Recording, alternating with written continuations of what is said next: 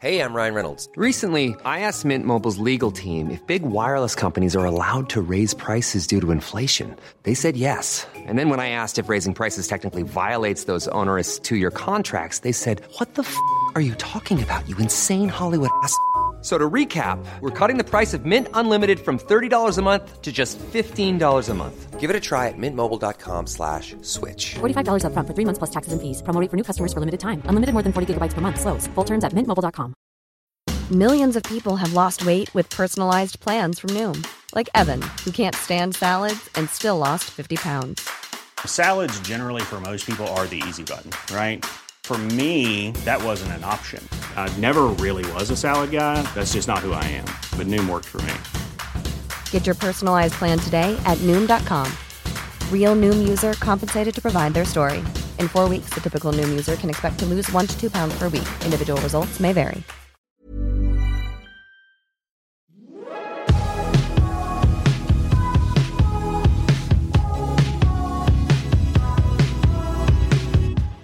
Du lyssnar på GVS ljudböcker.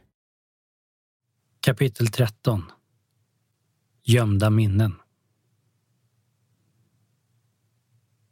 Det är bara mamma och han är hemma.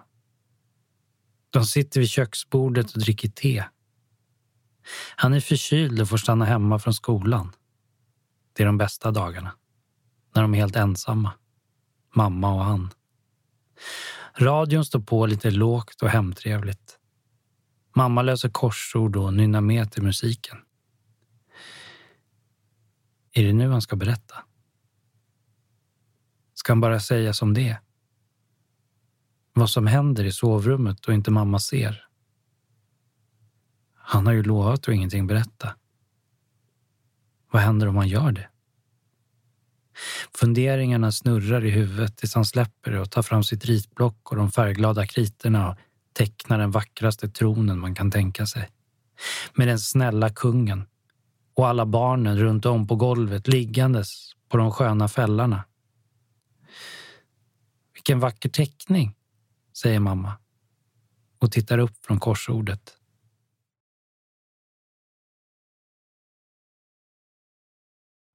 Kapitel 14 Lyssnar du? Erik och Cecilia äter middag på restaurangfamiljen. De firar att de varit tillsammans i 35 år. Tänk att det var fem år sedan vi för första gången var här på Tröstö, säger Erik och tar Cecilias händer i sina och ser henne djupt in i ögonen. Ja, det var en ren lyckträff att det var fullbokat på Nynäs havsbad. Annars hade vi säkert åkt dit som vi brukar göra när vi firar något. Smakar maten bra? undrar Susanne och fyller på glasen och dukar vant av bordet. Ja, fantastiskt, svarar de i mun på varann. Det låter fint. Jag måste bara få passa på att tacka dig för igår, Cecilia. Ja, Moa berättar vad som hänt. Ja, det var bara roligt att jag kunde hjälpa till. Har det gått bra mellan tjejerna? Det verkar så. Moa hade inte berättat något för mig. Hon sa bara att hon kände sig sjuk. Då tyckte jag att det var lika bra att hon gick hem. Inte kunde väl jag ana att det var Felicia som hade gjort henne så ledsen. Nej, det är inte lätt i den där åldern. De kan vara så elaka mot varandra utan att egentligen förstå hur de sårar varandra. Hälsa Moa från oss. Det ska jag och jag bjuder på efterrätten. Som tack för hjälpen, fortsätter Susanne och hon med ett leende går vidare. Vad var det där om? frågar Erik. Cecilia berättar vad som hänt. Jag undrar allt hur det står till hemma hos Felicia. Vad menar du? Har du hört något? Cecilia känner hur det börjar krypa i kroppen av olust. Ja, igår kom Sandra in på Ica. Du vet, Felicias mamma. Hon jobbar ju på banken intill affären. Ja, säger hon. Lyssnar och håller andan medan hon väntar på att Erik ska fortsätta. Allt för medveten om att hon nu bara kommer att få sina egna misstankar bekräftade. Hon hade sminkat sig rejält med solkräm och hade stora mörka glasögon på sig. Och jag tänkte att det såg lite malplacerat ut i november. Är det så att hon vill gömma något? avslutar Erik. Ja, jag fick samma känsla när jag sprang in i henne och såg de där stora solglasögonen. Alla vet i och för sig att Felicias pappa Kent är en rätt så osmidig typ som kan vräka ur sig ett och annat utan att tänka sig för. Och det kan nog vara från honom Felicia fått höra en del skitsnack om bögar, kan jag tro. Jag kan försöka prata med Felicia, säger Cecilia och börjar genast fundera på hur hon ska göra det. De äter efterrätten och dricker kaffe men Cecilia kan inte riktigt släppa tanken på Felicia. Och i bilen hem funderar hon på om hon ska fråga Felicia om hjälp i trädgården. Jag har sett att Felicia vill tjäna extra pengar genom att hjälpa till med trädgårdsarbete. Jag tror att jag ringer henne och frågar om hon vill komma imorgon och kratta löv. Så kanske det blir ett tillfälle till att prata, säger Cecilia. Ja, men det låter ju som en strålande idé. För du har väl ändå inte tänkt att följa med till Uppsala på matcherna imorgon, va? Säger Erik. Nej. Åk förbi anslagstavlan så ska jag kolla upp Felicias telefonnummer. Klockan är ju bara nio och det är fredag kväll så jag borde ju kunna ringa. Ringsignaler går fram och en ljus flickröst svarar. Felicia? Hej, det är Cecilia. Hoppas att jag inte stör, säger hon. Och så pratar de en stund och bestämmer att hon ska komma imorgon klockan elva. De vaknar tidigt, Erik och Cecilia. Fixar frukost och stannar kvar i sängen med en kaffebricka och tittar på TV4 morgon. De pratar och går igenom packningen inför matcherna. Har du lagt ner matchkorten? Ja, svarar Erik och tar en tugga på sin smörgås. Hur känns det för dig? Med Felicia menar jag, fortsätter han. Lite nervöst måste jag säga. Jag vet inte riktigt hur mycket jag ska fråga. Du kommer att göra det som blir bäst, säger Erik och ger henne en puss. Motvilligt går de ur sängen och klär på sig och dukar undan innan Erik åker iväg. Cecilia följer med honom ut och vinkar innan hon går in och sätter på sig det rosa förklädet med hjärtan. Radion står på och hon sjunger med till Tusen och en natt. Och under tiden kavlar hon ut bulldegen. Hon har tagit fram krattor, lövkorg och handskar kokat varm choklad och hällt upp på termos och de nybakade bullarna som hon gjorde i morse ligger i korgen. Hej, ropar Felicia när hon hoppar av cykeln och slänger den på uppfarten. Vilken tur jag har som får hjälp med krattningen. Det är lika bra att passa på innan snön kommer. De krattar löv och Felicia pratar om Moa och Hanna och vad de ska göra nu i helgen. Är det bra nu mellan dig och Moa? Ja, säger Felicia. Det är det. Tack för din hjälp, lägger hon till. Äh, det var ingenting. Jag vill att du ska veta att jag gärna hjälper till om det är någonting. Säg bara till. Tack, säger Felicia utan att säga någonting mer än så. De tar en paus och fikar och de har en trevlig stund tillsammans. Men Cecilia känner att hon går som katten kring het gröt. Hon kan ju inte utan konkreta misstankar fråga hur det är hemma eller kan hon det? Cecilia funderar på hur hon själv hade velat bli bemött som barn. Hon vet att hon en gång försökt berätta för en granne hur det var där hemma. Men han hade direkt vinklat det till att det var väl så alla familjer hade det. Att man gräla. Cecilia hade rodnat och känt sig dum och snabbt avslutat samtalet. Och efter den gången hade hon heller aldrig tagit upp det med någon annan. Cecilia lyder sin magkänsla och tänker att det här var ett fint tillfälle att lära känna varandra lite bättre. Och det får vara bra med det nu. Men att hon gärna vill hålla lite koll så hon frågar om hon har funderat på att prova boxning någon gång. Ja, vi pratar faktiskt om det. Och Hanna saknar boxningsklubben och vill att Moa och jag ska följa med någon gång. Det vore jätteroligt. Jag är där på måndag kväll om ni vill komma ner, säger Cecilia innan hon swishar Felicia 150 kronor och tackar så mycket för hjälpen. På eftermiddagen tar hon en promenad till Susanne. De ska binda kransar till julmarknaden som ska hållas i hembygdsgården.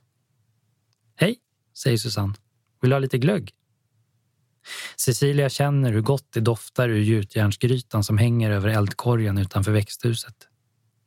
Det luktar jul. De smuttar på glöggen och värmer sig vid brasan. Det sprakar så härligt. Och trots att det inte är någon snö så får han lite julstämning. Kalle och Christer kommer gåendes mot växthuset bärandes på en halmbal och granris till stommarna till kransarna. Lars parkerar bilen och kliver ur. Han har med sig en korg med lingonris och mossa och lite annat.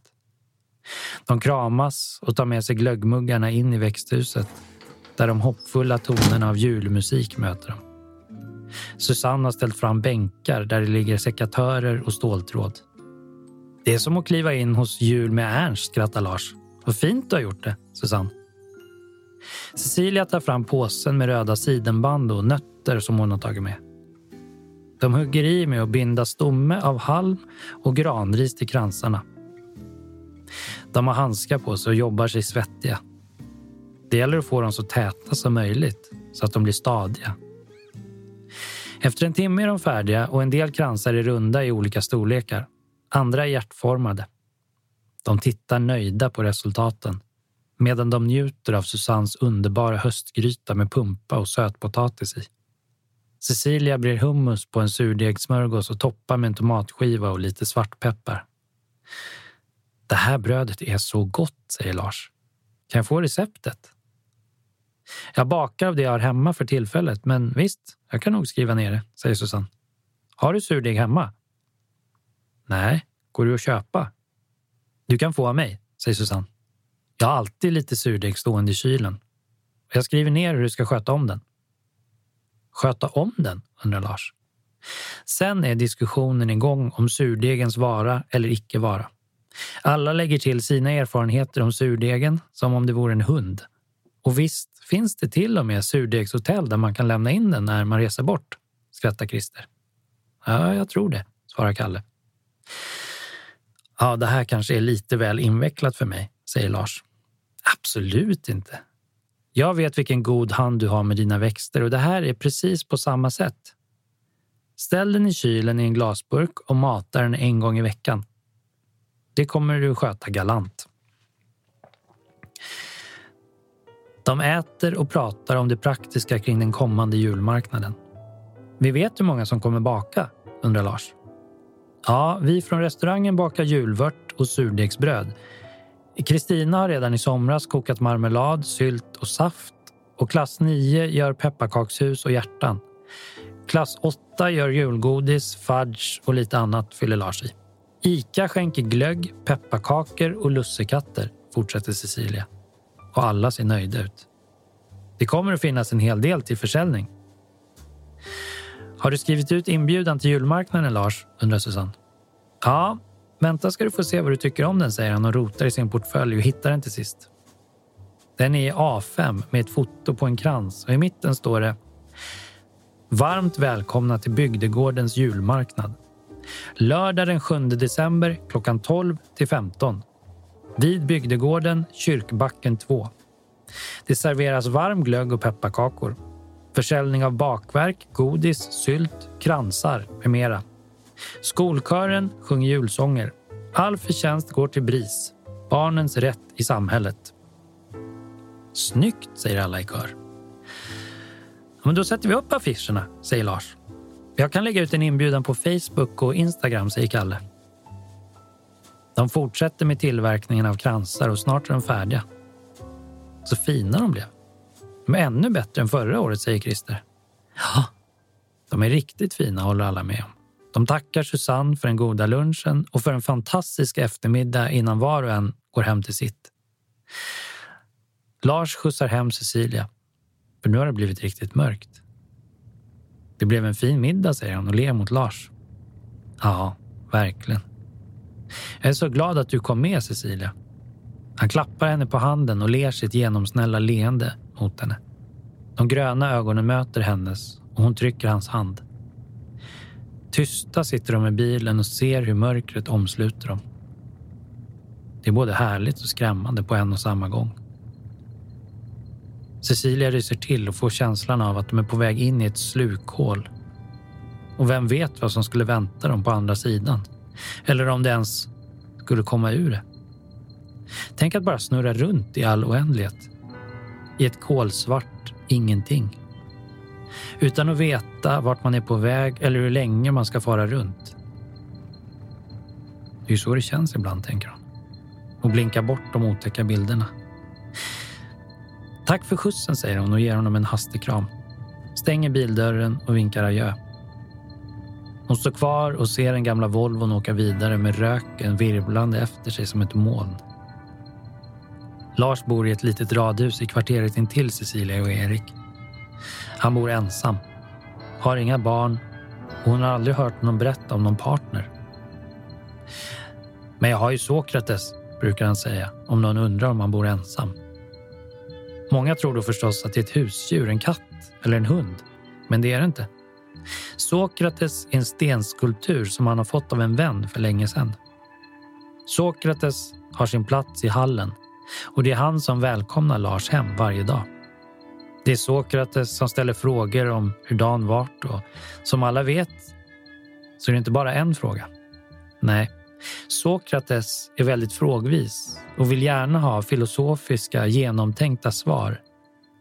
Lars får göra sitt bästa med att redogöra för sin dag och sina handlingar i olika ärenden. Det får honom nog att reflektera över hur dagen varit och över sina handlingar. Lars är en varm person med ett starkt rättspatos.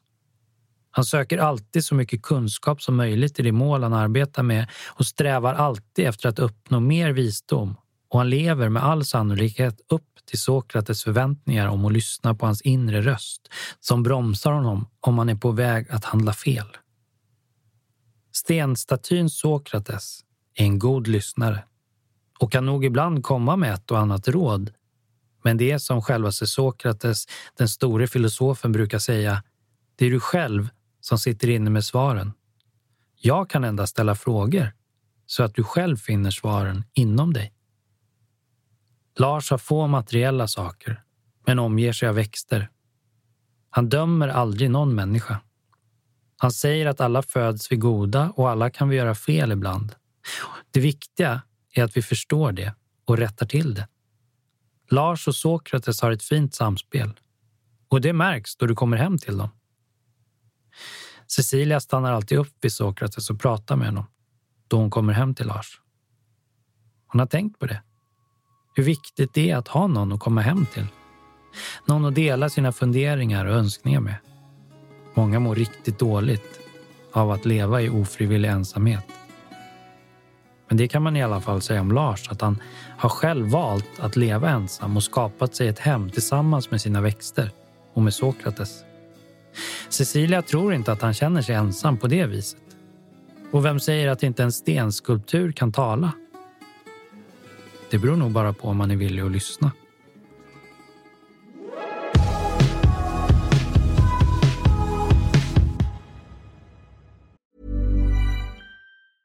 Hey, I'm Ryan Reynolds. Recently, I asked Mint Mobile's legal team if big wireless companies are allowed to raise prices due to inflation. They said yes. And then when I asked if raising prices technically violates those onerous two year contracts, they said, What the f are you talking about, you insane Hollywood ass? So to recap, we're cutting the price of Mint Unlimited from $30 a month to just $15 a month. Give it a try at mintmobile.com slash switch. $45 upfront for three months plus taxes and fees. Promo rate for new customers for limited time. Unlimited more than 40 gigabytes per month. Slows. Full terms at mintmobile.com. Hiring for your small business? If you're not looking for professionals on LinkedIn, you're looking in the wrong place. That's like looking for your car keys in a fish tank. LinkedIn helps you hire professionals you can't find anywhere else, even those who aren't actively searching for a new job but might be open to the perfect role. In a given month, over 70% of LinkedIn users don't even visit other leading job sites. So start looking in the right place. With LinkedIn, you can hire professionals like a professional. Post your free job on linkedin.com slash people today. Kapitel 15 Innanför hemmets stängda dörrar. Erik spelar musik så det hörs ut genom dörren. Cecilia öppnar och möts av tonerna från Fairy Tale of New York med Pogues. Hon ringer av sig kappan och ställer in stövlarna lite slarvigt i klädkammaren. Det är skönt att inte behöva ha koll på var skorna är. Här kan hon känna sig trygg och behöver inte ha en nödplan. Men det tog många år innan hon kunde släppa det. Hon kom ofta på sig själv med att ställa skorna med tåspetsarna vända mot ytterdörren så att det skulle vara enkelt att sätta på sig dem och jackan hängandes väl synlig. Hallå? ropar hon in i hallen och ser Erik i full fart med att skura golvet. Han har dammsugit och dammat hela huset. Det luktar gott och välkomnande. Åh, vad mysigt det är att komma hem till det här. På spisen kokar en tomatsoppa. Det doftar ljuvligt. En blandning av tomat, vitlök, oregano, timjan och basilika. Eriks favorit. Han fick receptet när han var ung från Bosses mamma som kom från Sorrento i södra Italien. Tack så jättemycket för att du har städat, säger Cecilia och kramar om Erik. Hon känner hur svettig han är och förstår att han har slitit hårt med städningen. Jag har putsat fönstren också, säger han och ser så stolt och nöjd ut. Så nu kan vi hänga upp julstjärnorna. Men jag ser det, vad fina de blev. Ska jag hämta julstjärnorna? Ja, det tycker jag. Det gör väl ingenting att det bara är november? Nej, och jag fick sån julstämning idag när vi band kransarna och drack glögg. Vad mysigt, säger Erik och hämtar stegen. Balanserandes på stege och stol hjälps de åt att hänga upp julgardinerna och julstjärnorna. Det här är så gott. Perfekt blandning av kryddor. Och det känns att jag puttrat länge, säger Cecilia och blundar och njuter av den goda tomatsoppan. Erik berättar om matcherna och säger att det var jättebra anordnat. Det är så skönt när allt är klart när man kommer dit och får ett matchprogram så att man vet ungefär vilken tid det är dags att värma upp och domarna var jättebra. Ja, kanske lite väl hårda. Aron blev diskad. Men det är väl bättre att de bryter i tid så att ingen blir skadad eller att de blir rädda och inte vill fortsätta med boxning. Ja, du har rätt, säger Erik. De kommer faktiskt alla tre på måndag till boxningsklubben. Felicia, Hanna och Moa. De kommer in genom dörren till boxningsklubben och Felicia säger Åh jäklar vad svettigt det var här. Så skrattar de alla tre. Ja, det har du rätt i, skrattar Cecilia och kramar om dem alla tre. Det är så roligt att ni är här. De byter om och Hanna som vet rutinerna visar var man kan låna skydd och var hopprepen och mittsarna finns. De värmer upp tillsammans. Aron visar rörelser och det är lite som följa John. De joggar runt i salen och när Aron svänger med armarna gör alla detsamma. Höga knän, ropar Aron och genast springer alla med höga knän. Han byter rörelser tills de har blivit varma innan de hämtar varsitt hopprep och börjar hoppa. När de hoppat rep i tio minuter stretchar alla och sätter på sig handskar och parar ihop sig, två och två. Erik startar rondklockan på tre minuter. Cecilia är med och tränar så det blir jämna par. Hanna och Moa är par och hon och Felicia kör tillsammans. Hon ser hur Felicia koncentrerar sig och spänner sig. Slappna av i axlarna och slå bara varannan vänster och höger. De tar det lugnt. Kör samma övning gång på gång innan Cecilia lägger till fler kombinationer. Felicia slappnar av mer och mer och det ser ut som att hon tycker det är roligt. Cecilia berömmer dem alla tre. Och innan de går hem bestämmer de sig för att träffas på onsdag igen. Hoppsan, det var rätt åt mig, tänker hon. Nu kan jag inte hoppa över träningen och ligga hemma och titta på serier längre. På onsdag efter träningen dröjer sig tjejerna kvar i omklädningsrummet. De duschar, skrattar och pratar. Cecilia är så tacksam att de har hittat tillbaka till varandra igen. Att de verkar ha så roligt ihop. Hon letar tecken till något ovanligt hos Felicia men kan inte hitta någonting. Det var nog bara inbildning. De åker hem, Erik och Cecilia. Och som alltid när hon går in i huset fylls hon av ett lugn. Att man kan vara så trygg i sitt eget hem. Det är väl det som är meningen, tänker hon. Cecilia har hört många föräldrar prata om vilka odjur till ungar de har när de är hemma. Det kan vara samma barn som hon just har imponerats av hur väluppfostrat, ordentligt och socialt det är när mamman eller pappan suckar och säger Oj, oj, oj, oj, då ska du se honom hemma. Han hjälper aldrig till och svär och gormar över minsta småsak. Ja, det är väl där i hemmet man ska få visa sina sämsta sidor. Det är sunt att bete sig lite som en idiot ibland och ändå bli älskad. Att veta att man duger ändå. Klockan tio när Erik och hon slöt titta på nyheterna ringer Cecilias telefon. Hon känner igen numret men kan inte placera vem det hör till och svarar. Ja, hallå, det är Cecilia. Hej, viskar en röst. I bakgrunden hörs skrik och skrammel av möbler som välts. Hallå, vem är det? Det är Felicia, kan du hjälpa oss? Mamma och mig. Cecilia puttar på Erik och sätter på högtalartelefonen. Var är ni? Är ni hemma? I vardagsrummet. Pappa släpper inte ut oss. Erik och Cecilia är redan på väg i bilen till Felicias hus. Hon stänger av högtalaren och säger till Felicia att inte lägga på. Hon hör Sandra och Kent i bakgrunden. Felicia sitter gömd bakom en fåtölj. Erik ringer larmcentralen och ber dem skicka dit en bil. De kommer fram före polisen och Erik knackar hårt på dörren, ser att den är olåst och sliter upp den. Han går direkt in i vardagsrummet och ser Felicias pappa Kent sitta gränsle över Sandra med en vas höjd över henne, som att han ska slå den i hennes ansikte. Med två snabba kliv är Erik fram och drar vasen ur hans hand, välter omkull Kent och Cecilia hjälper Sandra upp. Bakom fåtöljen tittar Felicia fram med uppspärrade ögon. Sätt dig, säger Erik till Kent och pekar på den andra fåtöljen. Kent sätter sig och tittar ner på sina knän som han skäms. All kaxighet har runnit ur honom och han säger inte ett knyst. Felicia går fram till Cecilia och ger henne en kram och säger tack. Hon kramar tillbaka och säger att det är bra. Håller henne i famnen och stryker henne över det toviga håret. Polisen kommer och Cecilia övertalar Sandra att göra en anmälan. Vilket hon först inte tänkt göra. Och hon förstår precis varför. Mamma var likadan, tänker Cecilia. Hon sa jämt, vad kan poliserna göra? Ingenting. Han hittar mig när han vill och då slår han ihjäl mig. Poliserna tar Kent med sig till stationen och Cecilia och Erik stannar kvar en stund hos Felicia och Sandra. De lyssnar när Felicia och Sandra berättar vad som hänt innanför de här väggarna i många år. Och de känner att de har fruktansvärt dåligt samvete. Att de inte förstått tidigare. Men det är ofta så att familjen som är drabbad gör allt för att hålla det hemligt. Och de som står utanför gör allt för att inte se. Man vill inte blanda sig i någons privatliv.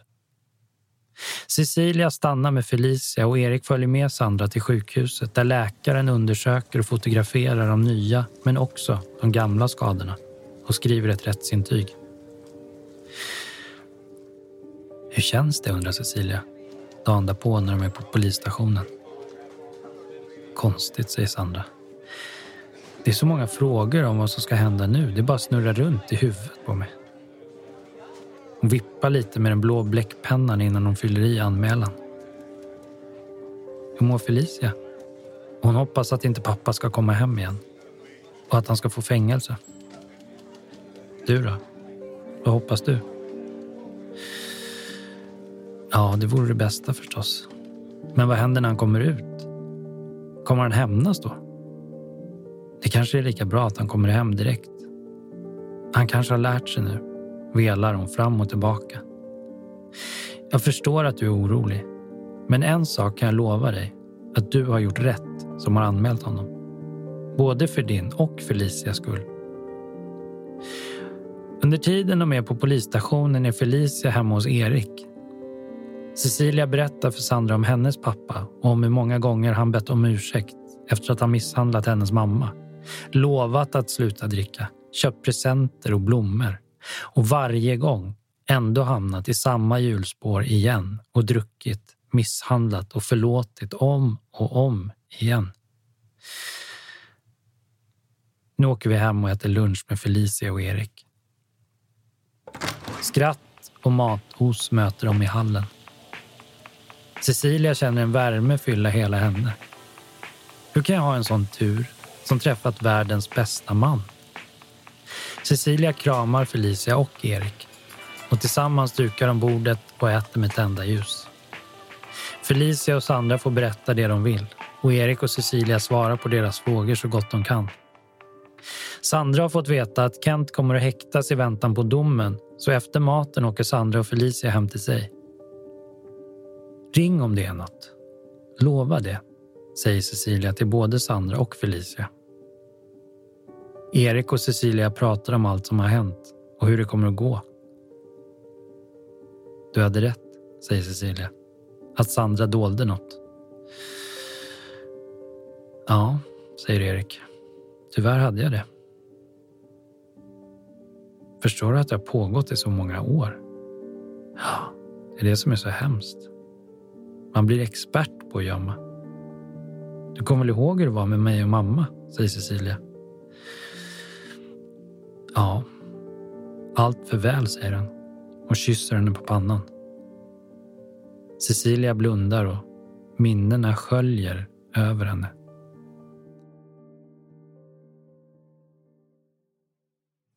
Kapitel 16 1986 Det är torsdag, skolan är slut för dagen och Erik ska följa med Cecilia hem. Trots att hon inte är så värst sugen på det. Men hur länge ska hon kunna hålla på och komma med undanflykter utan att han kommer att bli misstänksam? Det går knappt att andas utomhus för att det tar i och blåser ordentligt och regnet öser ner. Höstlöven landar på marken och pressas ner i den leriga jorden. Bättre väder kunde vi haft, skriker Erik för att höras i blåsten. Ja, verkligen. De skyndar till busshållplatsen och tränger in sig med de andra i busskuren. När de kommer hem dricker de te med mamma. Braskaminen sprakar och värmen sprider sig i rummet. Radion står på, lite lågt. Erik och mamma småpratar om mammas stora sportintresse. Hon följer det mesta på tvn och annars står radion på. Allt från fotboll, hockey till friidrott och vintersporter. Cecilia ser på mamma att hon är avslappnad och hon tänker att det var ingen dum idé att Erik följde med hem. Bilen kör in på infarten och som genom ett trollslag bryts förtrollningen. Cecilia förstår att det är pappa som kommer hem från jobbet. Hon räknar av gammal vana minuterna innan han öppnar ytterdörren. Är det en minut är det lugnt. Då kommer han att vara nykter ikväll. Men är det mer än tre minuter så vet hon att han har varit ute i garaget och gömt spriten där och pappa kommer under kvällen att göra otaliga ärenden ut dit för att dricka. Jaså, är det finfrämmande? skojar han med Erik och boxar till honom lätt på armen. Ja, visst. Tjena, säger Erik och reser sig upp och ger pappa en kram. Pappa står handfallen, stel som en pinne med armarna rakt ner. Och Erik släpper fort taget om honom och inser sitt misstag och dunkar honom lätt i ryggen. Pappa och Erik snackar om boxning och fotboll och allt möjligt och det känns riktigt bra. Men nog har hon direkt sett att pappa redan har tullat på spriten i garaget och hon vet hur snabbt allt kan vända. Det knyter sig i magen på henne. Hon känner sig lätt illamående. Hon ser på mamma att hon är på helspänn. Käkarna är ihopbitna när hon går ut i köket för att fortsätta med middagen. Cecilia dukar bordet när Erik kommer fram och ger henne en puss på kinden och kramar henne bakifrån och viskar i hennes öra. Eh, jag tror att jag blir godkänd. Nej, det är inte för mallig nu, skrattar hon och slår till honom lite lätt med en servett. Pappas ärenden till garaget blir allt mer täta och när middagen är klar är han redan blarig. Jag får be om ursäkt för morsans käk, säger pappa plötsligt och tonen i hans röst hårdnar. Det är inte hennes starka sida om man säger så, att laga mat, säger han och spänner ögonen i henne så att både mamma och Cecilia stelnar till. Vad menar du? Det här var jättegott, säger Erik till mamma. Jag älskar falukorv och stuvade makaroner. Erik har absolut inte observerat stämningen och inte heller sett hur pappa har suttit och stirrat på mamma under middagen. Det är som en tickande bomb som bara de kan ana att den alldeles snart ska explodera. Cecilia skyndar sig att äta upp och säger till Erik att det är bäst att han tar nästa buss hem. Jag följer dig till bussen, säger han och drar honom med till hallen innan pappa ska hinna stoppa dem. Jag kan väl lika gärna sova här, säger Erik. Nej, säger hon med lite för hög och gäll röst och vill ingenting annat än att få ut honom ur huset. Lennart, är det okej okay om jag sover över här i natt? ropar Erik innan hon hinner hindra honom. Ja, det är okej, okay, svarar han och går ännu en sväng ut i garaget. Cecilia försöker med det bestämdaste att övertala Erik att åka hem utan att lyckas. De sätter sig vid tvn med mamma och dricker kaffe. Pappa sitter en stund i fåtöljen och svamlar om allt möjligt och överröstar tvn. Den där skatan borde det vara skottpengar på, fnyser han och menar en skådespelerska som intervjuas om en ny film hon har huvudrollen i. Asså, säger Erik. Jag tycker hon gestaltar rollen jättebra. Hörru, Cecilia, vilken snobb han är. En riktig akademiker minsann, din kille. Nu går vi in på mitt rum, säger hon till Erik och reser sig upp. Pappa puttar ner Cecilia i fåtöljen igen och väser. Du går ingenstans. Erik reser sig och pappa laddar och slår mot ansiktet. Erik duckar undan så att han bara snuddar lite mot vänster kind innan han greppar tag i pappas arm och håller fast. Nu lugnar vi ner oss lite, tycker jag, säger Erik med myndig röst. Cecilia och mamma håller andan och säger ingenting. Pappa sliter sig loss och försöker än en gång slå mot Erik. Men han parerar och pappa tappar balansen och faller. Pappa reser sig och går ut i garaget. Vad var det där, undrar Erik. Vad håller han på med? Jag fattar ingenting, säger han och sätter sig ner i soffan bredvid Cecilia. Cecilia och mamma vet inte vad som nu ska hända. De har aldrig varit med om att någon gjort motstånd sådär. Innan de hinner svara eller tänka färdigt kommer pappa instormande med en yxa i högsta hugg. Yxan är höjd över hans huvud och ögonen lyser som glödande lava. Cecilia skriker och Erik hoppar åt sidan så yxan sätter sig i bordet. Erik slår till pappa så han går i backen och säger Nu får det fan med räcka! Pappa ligger kvar ett tag innan han skrattar och håller upp handen för att Erik ska hjälpa honom upp. Det var en bra omgång du gjorde. Du är bra, Erik, säger han. Erik tar inte hans hand. Han går bara ut genom dörren och Cecilia springer efter. Han är ju för fan inte riktigt klok, din farsa. Tänkte han precis hugga med min yxa, säger han med skärrad röst. Jag har inte hunnit berätta, säger Cecilia och tittar ner i backen. Jag skäms så mycket.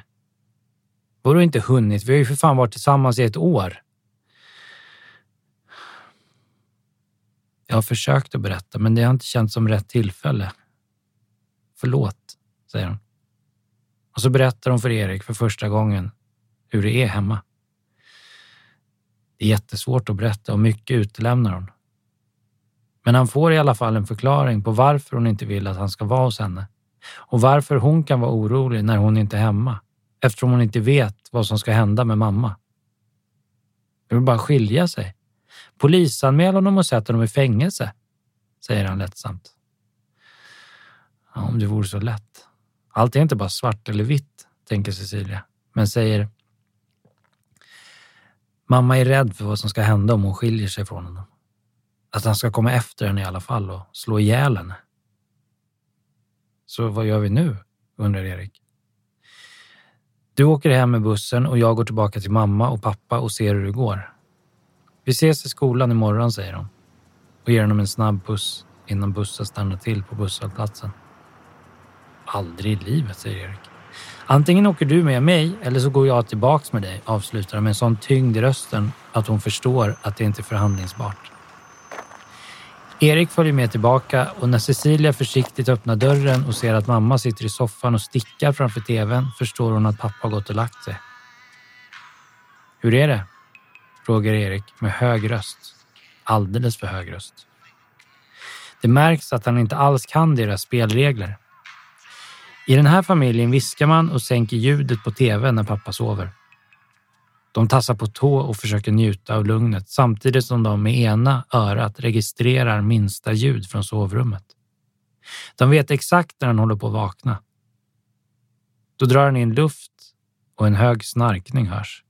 Han vänder sig i sängen, hostar till och snart hör de hur golvplankorna knarrar och de vet att han är på väg. Strax därefter flyger sovrumsdörren upp med en smäll och så står han där i dörröppningen med rufsigt hår och svajar. Sticker in handen innanför de sjaskiga kalsongerna och kliar sig på pungen. Det är så det alltid är, tänker Cecilia. Men det vet ju inte Erik. Han har ju ingen aning om hur det är i deras familj.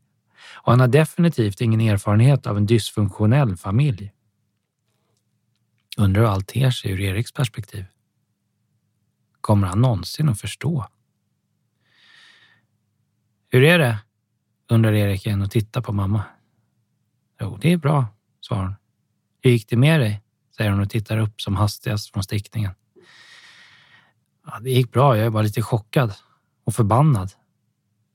Cecilia har inte berättat hur ni har det här hemma, säger Erik. Nej, det är ingenting vi pratar om, svarar mamma sakta och andas tungt. Det borde ni göra. Det är inte normalt att leva så här och du borde tänka på ditt och Cecilias liv. Skilj dig, avslutar han. Fnyser mamma. Det är omöjligt. Det går inte. Men du ska nog åka hem nu. Det är lugnast så, säger hon till Erik. Klarar du det då, mamma? undrar Cecilia. Om jag följer med Erik hem? Lova att ringa farfar om det är något. Ja, han sover nu. Jag ska snart gå och lägga mig. Det är lugnt. Åk ni, säger hon och ger Cecilia ett svagt leende. Erik gör då någonting som ingen av dem, vare sig mamma eller Cecilia, kunnat förvänta sig. Han går fram och ger mamma en kram och pussar henne lätt på kinden och säger Ta hand om dig och ring om det är något. Det här är vårt telefonnummer, säger han och skriver ner det på en lapp och ger den till Cecilias mamma. Mamma får tårar i ögonen och nickar och mumlar fram ett tack. Erik och Cecilia går mot pusselplatsen och hon har så ont i magen att hon inte kan gå rakt. Det här känns inte bra. Med ett tillgjort leende vänder hon sig mot Erik och försöker se ut som att hon inte har några bekymmer i världen. Tack för att du berättade, säger Erik och håller om henne. Du förstår att det här inte är normalt, va? Nej, det är väl inte det, säger hon och önskar att han bara kunde vara tyst. Hon vill definitivt inte diskutera det här på bussen så att folk kan höra. Cecilia skäms och tycker att det är pinsamt. Hon vill bara förtränga allt och åka hem till Erik och spela med hans lyckliga familj. Hon har kommit att älska den här teatern och vill bara fortsätta. Kväll efter kväll. Jag vill stå där på scen och ta emot applåder och rosor.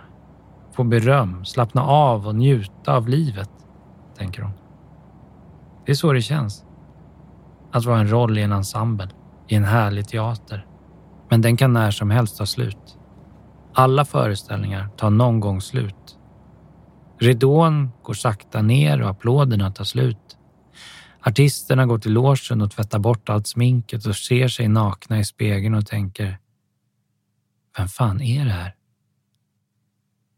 Cecilia skakar av sig de hemska minnena som hon dagligen brottas med.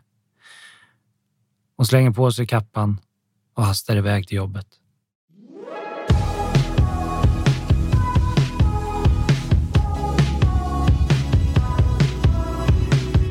Du kan även lyssna på den här boken utan reklam på Bookbeat, Storytel, Nextory, Bookmate eller låna den på biblioteket via Overdrive. Hey, it's Danny Pellegrino from Everything Iconic.